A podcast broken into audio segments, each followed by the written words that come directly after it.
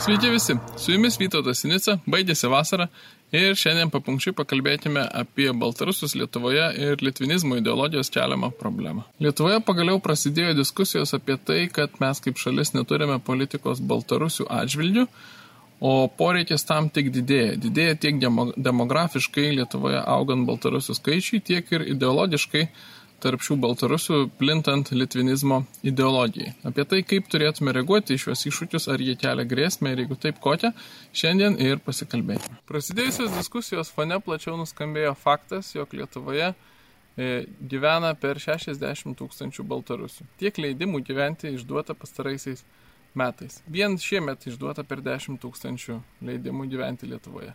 Paskutinis gyventojų surašymas rodė, kad Lietuvoje yra 1 procentas baltarusių, kas reiškia, kad per pastarusius kelius metus jų skaičius Lietuvoje patrigubėjo. Tai reikšmingi skaičiai. Galbūt tai nuo Lukašenkos režimo bėgantys žmonės. Būtų galima taip svarstyti, tačiau statistika negailestinga. Prieglopščio pasiprašė vos daugiau nei 400 iš šių leidimą gyventi Lietuvoje gavusių asmenų, iš jų vos 206 prieglopščio statusą gavo. Tai reiškia, kad prieglaušio prašytojų yra visai nedaug. Vėlgi galima spekuliuoti, kad galbūt prieglopstis nereikalingas, svarbu tik tai galimybė patekti į šalį ir čia gyventi. Tačiau, kaip neseniai skandalo epicentre atsidūrusi Olga Karač komentavo Baltarusių galimybę mokytis lietuvių kalbą, jie visi esą norėtų tai daryti, tačiau finansiškai tai labai sudėtinga, nes kursai mokami ir labai brangus, o nemokami tik prieglopščio statusą gavusiems baltarusiems, kurio tačiau faktiškai niekas iš tų 60 tūkstančių neprašo. Akivaizdu, kad Baltarusija Lietuvoje yra ne pabėgėlių, o išimtinai ekonominių migrantų klausimas. Čia susiduria ekonominis ir nacionalinio saugumo interesai. Ministrė Aušrinė Armanaitė akcentuoja, kad Lietuvoje dirba per 5000 IT specialistų iš Baltarusijos, kurie gauna vidutiniškai apie 5000 eurų prieš mokesčius. Alga, vadinasi, kartu sumoka apie 70 milijonų eurų mokesčių į Lietuvos biudžetą. Tai ekonominė nauda Lietuvai iš šių darbuotojų. Ant kitos svarstyklių lėkštės nacionalinis saugumas. Valstybės saugumo departamentas e, identifikavo, kad Lietuvoje grėsmę nacionaliniam saugumui kelia 910 Baltarusijos piliečių. 337 iš jų e, atimta galimybė gyventi Lietuvoje, 210 leidimas apskritai nesuteiktas. E, šie skaičiai 910 yra ko nedvigubai daugiau nei apskritai prieglopščio paprašysiųjų Lietuvoje. Taigi humanitarinį argumentą kaip pagalbos suteikimo taip pat galime atmesti šiose diskusijose. Kalba eina vien apie ekonominius ir saugumo interesus. Prakalbus apie šiuos IT specialistus, kaip galima grėsmę nacionaliniam saugumui, e, juos darbinančios IT bendrovės pagrasino pasitrauksinčios iš Lietuvos. E, visiškai pagristai tai buvo įvardyta kaip tiesiog šantažas. Neseniai skandalo epicentre atsidūrė Baltarusijos aktyvistė Olga Karač. Valstybės saugumo departamentas paskelbė, jog jie 2015-2019 metais bendradarbiavo su Rusijos saugumo tarnybomis, vykdydama savo veiklą. Ji pati gana įžūliai pašėpė tuos kaltinimus, sakydama, kad nieko panašaus nebuvo.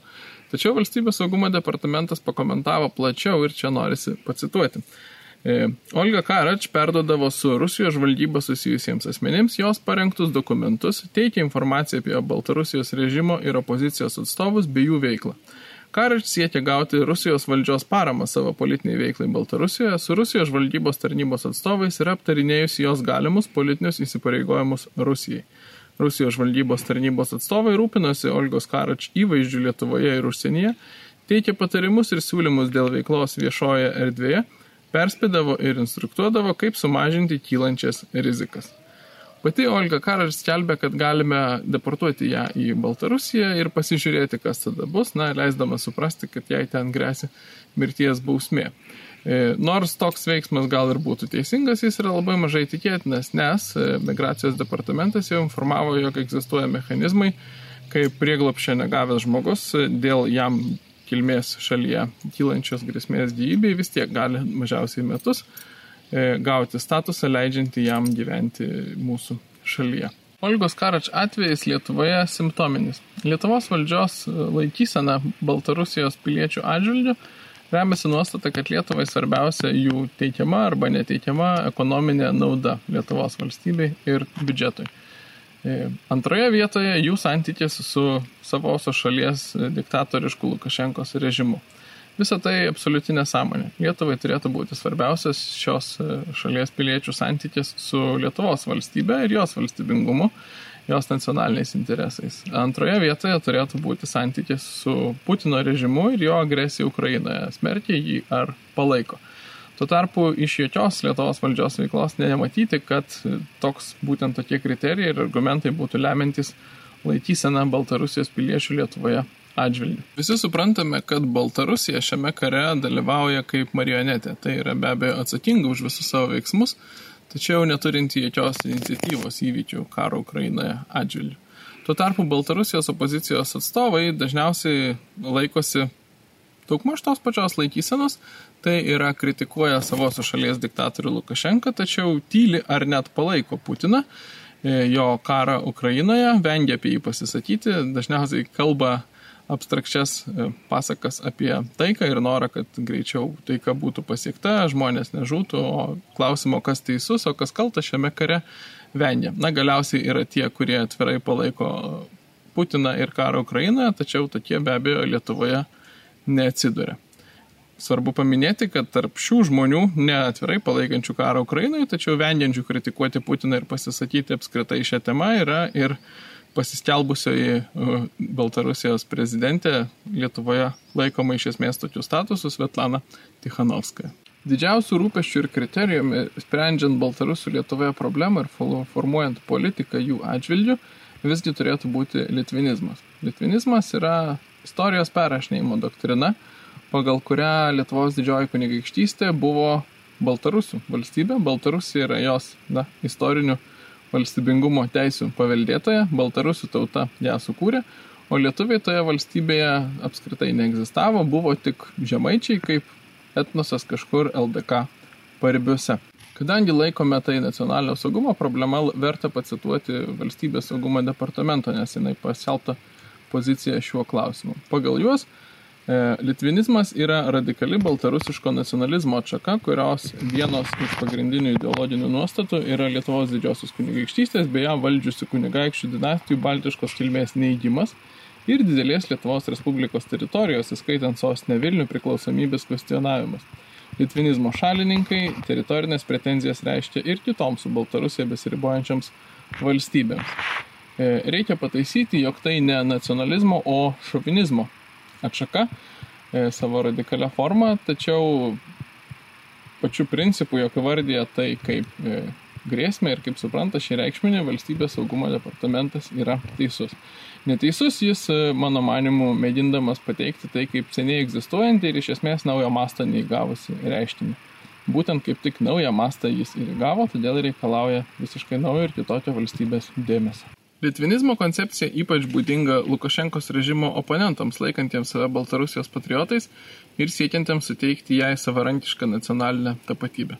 Savarankiška nacionalinė tapatybė šiai šaliai iš tiesų yra mirtinai reikalinga, nes ilgus dešimtmečius Lukašenka bandė ją kurti kaip išaldytą homo sovietikus visuomenę, kurioje tautiškumas nelabai turi reikšmės, o žmonės iš esmės laiko save brolišką tautą rusams. Tačiau yra didžiulis skirtumas, kuo yra grindžiama nacionalinė tapatybė ir Baltarusija faktiškai vienintelė iš Lietuvos kaimynų bando savo nacionalinę tapatybę formuoti e, neigiant kaimynų, pirmiausia, lietuvių tautos teisę į egzistavimą, subjektiškumą ir savąją istoriją. Reikia pripažinti, kad Lukašenka pats flirtavo su šia ideologija, pastarai dešimtmetį aktyviai skatindamas įvairius LDK atminties ženklus, statydamas paminklus lietuviams LDK kunigaikščiams ir atstatinėdamas LDK pilis Baltarusijos teritorijoje. Prasidėjusiuose politikų diskusijose Baltarusių Lietuvoje ir litvinizmo ideologijos tema tenka pasigesti dviejų klausimų, kurie turėtų būti suformuluoti ir privalomi užduodami kiekvienam Lietuvoje gyventi siekiančiam Baltarusijos piliečiui Atsakymai jūs turėtų būti vieši ir labai svarbu prieinami internete patiems Baltarusijos piliečiams, jų draugams, kaimynams ir pažįstajams, kad tokie atsakymai įpareigotų. Vienas iš jų yra e, aktualus šiandieninis, tai yra ar palaikote Kalinausko pulko, Baltarusiškojo Kalinausko pulko veiklą ir smerkite Rusijos agresiją Ukrainoje. Tai kaip ir savame aišku. Kitas turėtų būti istorinis. E, ar sutinkate, kad LDK yra lietuvių tautos sukurta valstybė ir Lietuva yra jos valstybingumo teisų paveldėtoja? E, tai nėra kažkoks parodomasis spektaklis. Lietuvos valstybės E, Lietuvos Respublikos konstitucijos preambulėje Justino Marcinkievičiaus yra įrašytas teiginys, kad Lietuva prieš daugelį amžių, tiksliau lietuvių tauta prieš daugelį amžių sukūrė savo valstybę. Kokia kita tai galėtų būti valstybė, jeigu ne Lietuvos didžioji kunigaikštystė? Be abejo, tik ši Lietuvos didžioji kunigaikštystė. Kai Baltarusiai neigia šią jungtį, jog Lietuvos didžioji kunigaikštystė yra sukurta E, lietuvių tautos, jis iš esmės neigia vieną pamatinių mūsų konstitucijos teiginių. Taigi litvinizmas yra griežtai antivalstybinė Lietuvos valstybės atžvilgių, ideologija ir Lietuvos valstybėje absoliučiai negali būti toleruojama. Reikalinga labai griežta atranka šiuo požiūriu, kas gali, kas negali patekti į Lietuvą, kas gali joje pasilikti. Teisingai sako politikai, jog e, šis klausimas turi būti sprendžiamas individualių principų, tai yra negalima visos tautos nurašyti ar priimti e, šiuo aspektu, tačiau individualių principų jis turi būti sprendžiamas griežtai, netoleruojant kažkokių aptakių, dviprasmiškų atsakymų ir pozicijų. Baigiant būtina paliesti kitą nemankai susijusią temą, diskusijų apie galimas Baltarusijos keliamas grėsmės fone vyriausybė paskelbė uždaranti du pasienio punktus tarp Lietuvos ir Baltarusijos ir viešai vardėjo dvi to priežastis grėsmės. Tai yra kontrabandos grėsmė ir Vagdar grupuočių agresijos grėsmė. Tai šiek tiek ironiška, nes e, iš esmės suponuoja, kad vyriausybė laiko, jog kontrabanda iš Baltarusijos vyksta e, atvirai per pasienio punktus, pasieniečiams tą leidžiant. E, kita vertus, suponuoja ir, kad Wagner ar kokių kitų e, grupuočių agresija vyktų per pasienio punktus. Kas vis dėlto mažai tikėtina. Tu jokių būdų nenorime pasakyti, kad fortifikacijos yra nereikalingos, priešingai jos yra labai reikalingos, tą daro Lenkija ir turėtume daryti mes bei visi apie galimą agresiją svarstantis NATO nariai. Tačiau šiuo atveju reikia vis dėlto suvokti, kad galima agresija, jeigu jį vyktų, vyktų greičiausiai bet kur per kelių šimtų kilometrų ilgio e, pasienį, kur tvora sulaiko nuo migrantų, bet ne nuo organizuotų ir paėgių karinių grupuočių. Taigi poros iš gerokai daugiau pasienio punktų uždarimas nei vienos iš įvardytų problemų nesprendžia ir atrodo kaip eilinį kartą veiklos imitavimas toks būdingas dabartiniai vyriausybei. Apibendrinkime. Lietuvos politikai viešoje erdvėje pagaliau prabilo apie Baltarusijos piliečių Lietuvoje galimas keliamas grėsmės ir apskritai apie augantį Baltarusių skaičių Lietuvoje. Jis auga milžiniškais tempais Lietuvoje vien per pastaruosius trejus metus leidimą gyventi gavo 60 tūkstančių Baltarusijos piliečių. Tarp jų plačiai paplitusi litvinizmo ideologija, neigianti lietuvių tautos autorystę Lietuvos didžiosios kunigaikštystės kūrime ir savinanti savo, kaip baltarusių tautai, šią istorinę valstybę. Lietuva negali toleruoti šios atvirai antivalstybinės Lietuvos valstybingumo ir konstitucijos pamatinius teiginius neigiančią ideologiją, jie privalo kategoriškai e, vertinti kiekvieną Lietuvoje norintį gyventi Baltarusijos pilietį šiuo aspektu ir priimti tik tuos, kurie griežtai ir viešai išsižada litvinizmo. Visą tai be abejo šalia jau esamų veiksmų, kuriuos atlieka valstybės saugumo departamentas, migracijos departamentas ir kitos atsakingos institucijos. Privalome rimtai žiūrėti į litvinizmo reiškinį, laikyti jį grėsme ir be idealizmo ir ypač svarbu, neiškeliant požiūrio į Lukašenką ir jo režimą aukščiau kitų veiksnių, vertinti Baltarusijos piliečius Lietuvoje. Tiek šį kartą, ačiū, kad mus žiūrite, prenumeruokite mūsų kanalą, spausdami mygtuką prenumeruoti po šio įrašu, o taip pat remkite mus Contribui platformoje. Instrukciją, kaip tą padaryti, taip pat rasite žemiau. Tiek ir iki.